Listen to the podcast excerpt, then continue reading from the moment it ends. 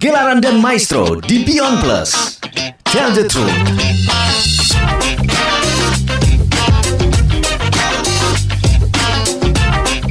Ya, halo, apa kabar sahabat musik? Iya, kita berjumpa kembali ya. Saya Ya. Simon Serbunan. Saya Heru Cahyono, kita ketemu di Gelaran dan Maestro 103 di Beyond Plus.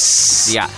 Kita kalau dua episode kemarin kan kita membahas tentang industri rekaman ya di zaman zaman zaman Hindia Belanda. Hindia ya. Belanda jadi sejak awal masuknya Betul. uh, industri rekaman, kemudian lagu-lagu apa saja ya. yang yang, Yang- pada saat itu populer Hmm, ya. iya. Termasuk ada sempat kita singgung juga diva, diva di zaman-zaman itu. Salah satunya adalah Miss Ribut ya. Nah, Oke. eh, dulu kan kita sempat eh, bahas nih, kira-kira pada zaman dulu orang dengerin eh, lagu lewat apa ya gitu kan. Nah, itu dia. Ya, nah itu kan dulu kita sempat eh, kasih tahu juga kalau Bocorannya. Di, ya di episode sebelumnya kita sempat ngasih tahu kalau mereka itu lebih banyak ke eh, mendengarkan melalui eh, alat pemutar lagu yang mungkin kita pernah sebut harganya luar biasa ya. Iya, untuk tapi hmm, ya untuk mungkin untuk kalangan tertentu aja sih ya. betul betul. Hmm. Ya, tapi eh, tampaknya juga semakin ke sini semakin berubah ya, Simon Hmm. ya. Iya, betul. Jadi Hmm. uh, semakin hari memang perkembangan industri rekaman musik itu semakin apa ya bertumbuh ya. Ya, ke- semakin berkembang ya. berkembang ya. Betul. Nah, ini di tahun sekitar tahun 1920-an, Hmm. ini generasi eh, genre musik populer pun akhirnya bisa disimak bukan hanya di rumah melalui alat Iya. pemutar eh, pemutar eh, lagu, tetapi juga sudah mulai lewat gelombang radio. Wah, Iya waktu kan? itu sudah Iya. mulai ada gelombang radio Iya. yang hadir ya gitu ya. Ya betul. Ini siaran pertama yang ada di negara kita nih, Hmm. ini berasal dari radio swasta yaitu Bataviase Radio Vereniging. Wah, ini bahasa Belanda nih ya. bahasa Belanda BRV di Batavia yang resminya itu mengudara sekitar tanggal 16 Juni 1925. Hmm, Ya. iya benar. Tapi kalau kita apa namanya agak sedikit ke sini ke zaman kemerdekaan, Hmm. Iya. memang radio itu sudah populer ya. Iya, jadi kalau betul. jadi ternyata awalnya dari eh, dari sini ternyata Hmm, radio. hmm. Ya, berkembang kan. Hmm. Kemudian radio sudah muncul, kemudian eh, berdilirah radio di daerah dengan bantuan pemerintah Hindia Belanda pada saat itu. Jadi Hmm. sudah mulai muncul nih perkumpulan-perkumpulan siaran radio berbahasa Indonesia Hmm. yang tujuan utamanya sebenarnya adalah menyiarkan kesenian dan kebudayaan Indonesia. Wah, berarti apa ya? eh, udah saatnya waktu itu ya orang-orang Ya. Indonesia kemudian menampilkan budaya-budaya Budayanya musik sendiri ya, ah, melalui Indonesia. radio ya. Melalui radio. Ya. Nah, Ah. eh, kita kalau tarik juga di tahun 2000 eh, tahun 1920-an Ya. itu kan eh, musik yang lagi populer di dunia barat itu adalah musik jazz. Oh, musik jazz ya. Musik jazz. Waduh, berarti sampai sekarang tuh jazz masih terkenal loh, Pak. Iya, dulu kan eh, memang asalnya dari luar kan, dari Ah. orang-orang kulit hitam. Musik jazz itu terus sampai sekarang masih banyak orang suka. Hmm. Ya, musik jazz ini salah satu genre musik yang lahir di Amerika Serikat. Jadi Hmm. musik jazz itu dulu malah hanya dinikmati orang orang-orang kalangan tertentu aja sih Hmm. sebetulnya.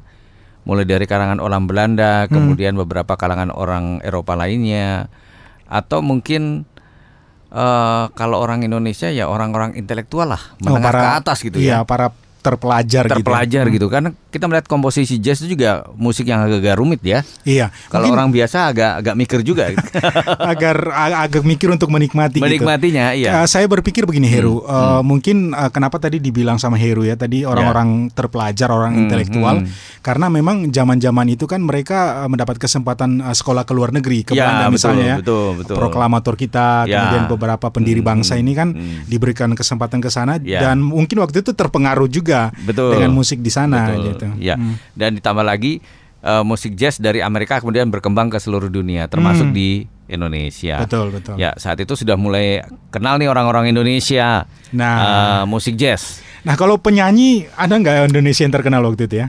ada Hah. Eh, kalau ini dari catatan Denny Sakri di eh, 100 tahun musik Indonesia ya. Hmm. Itu di era-era itu di ya 20-an lah itu di Surabaya ada namanya Jose Marpaung. Jose Marpaung. Jose ya? Marpaung ini dia seorang piano Hmm. yang mahir juga bernyanyi. Hmm. Kemudian dia berkolaborasi dengan beberapa orang Belanda yaitu Martin Kreutz dan Caroline. Hmm. Ya ini mereka kemudian membentuk eh, kelompok jazz yang Wah. bernama White Dove ya. White Iya, Dove. White Dove sampai sekarang masih ada tuh lagunya itu. Wah saya belum belum tahu.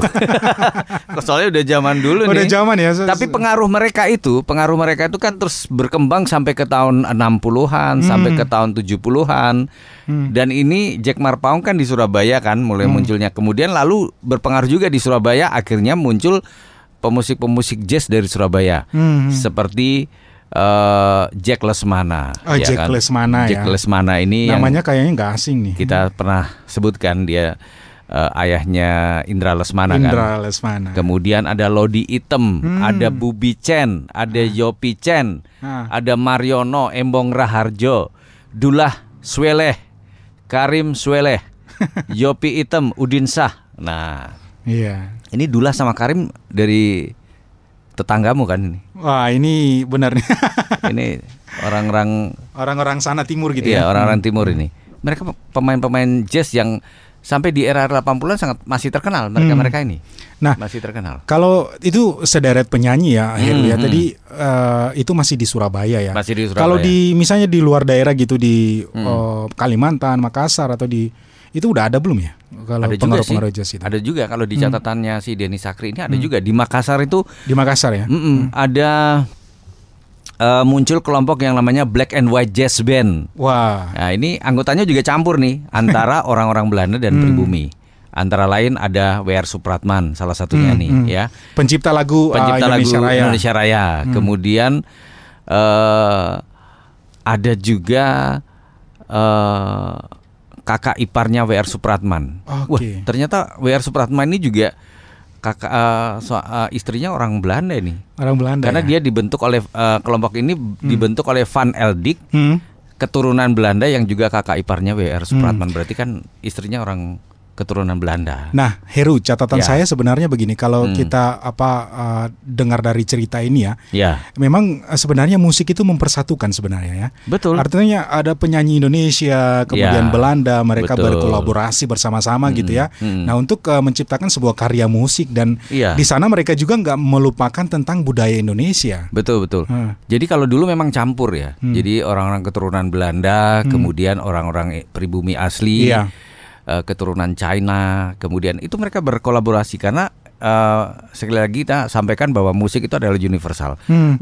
Musik itu adalah bahasa pemersatu, Hmm, ya kan? hmm. Kita bisa menyanyikan lagu daerah mana pun. Iya. Lagu daerah eh, di luar Jawa bisa menyanyikan lagu Jawa. Itu kan Hmm.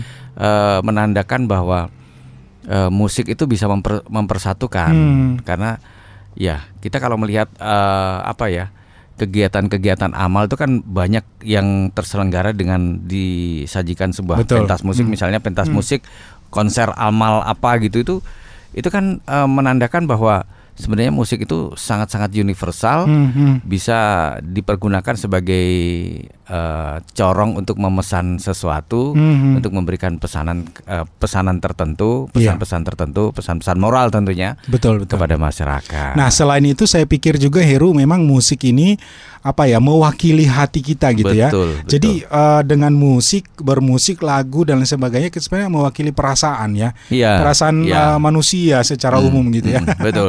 Nah, mudah.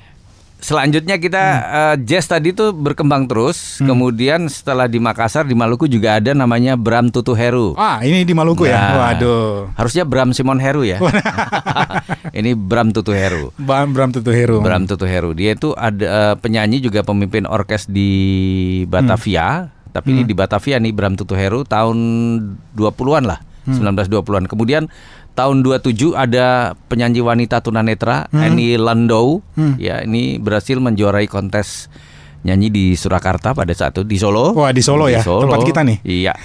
Dan kemudian dia diajak eh, rekaman oleh label BK dan menetap di Batavia. Sempat kita singgung label BK ya di Hmm. Iya, iya. awal-awal Benar-benar. episode kita. Ada beberapa label Ya. rekaman ya. Kemudian nanti. kalau kita berlanjut ke tahun 30-an Simon ternyata Iya. itu berkembang juga bukan hanya jazz tapi ada tiga jenis orkes yang cukup dikenal pada Hmm. saat itu yaitu harmonium, gambus dan Melayu. Melayu.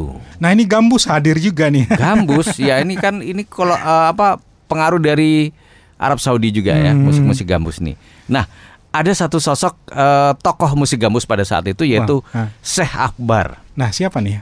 Syekh Akbar itu bapaknya Ahmad Albar. God bless. God bless. iya.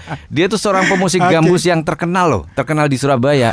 Lagi-lagi Surabaya. Oh iya. Lagi-lagi Surabaya. Apa Surabaya apa kota awal musik gitu ya atau gimana Saya ya? nggak tahu ya, tapi eh, kalau kita melihat perjalanan musisi kita yang bahkan mungkin sampai sekarang masih ada, mereka semua berasal dari Surabaya. Surabaya ya. Surabaya pada khususnya pada umumnya Jawa Timur. Wah, kalau saya ngefans sama orang Surabaya, Ahmad Dhani, Iya. Ari Lasso. Betul, mereka kan dari Surabaya juga kan. Surabaya. Padi juga Eh, dari benar. Surabaya. Ah. Kemudian Ahmad Albar Surabaya. Iya, iya, iya. Hmm. Ian Antono gitarisnya siapa? Gitarisnya God Bless. God bless. Pemain keyboardnya God Bless Ah. Abadi Sulman itu dari Malang. Hmm, iya iya. Gitaris Toto Tewel itu juga dari Malang. Hmm. Banyak yang Banyak yang Dulu hadir memang ya. barometer di era-era 80-an ya kalau saya lihat ya perkembangan itu barometer musik itu kalau nggak Surabaya, Hmm, Bandung, Jakarta. Jakarta. Itu. Tiga bar- tempat itu tiga ya. tempat itu yang kalau jadi barometer gitu. barometer. Nah, kembali lagi ke musik gambus tadi. Hmm. Dulu di era-era tahun 30-an itu ayahnya Ahmad Albar, Syekh Akbar itu Hmm. eh, membuat orkes gambus Alwaton yang waktu itu produktif juga ya dalam Hmm. eh, merilis album-albumnya. Di antaranya adalah Sakratul Husun. Ini dirilis tahun 37.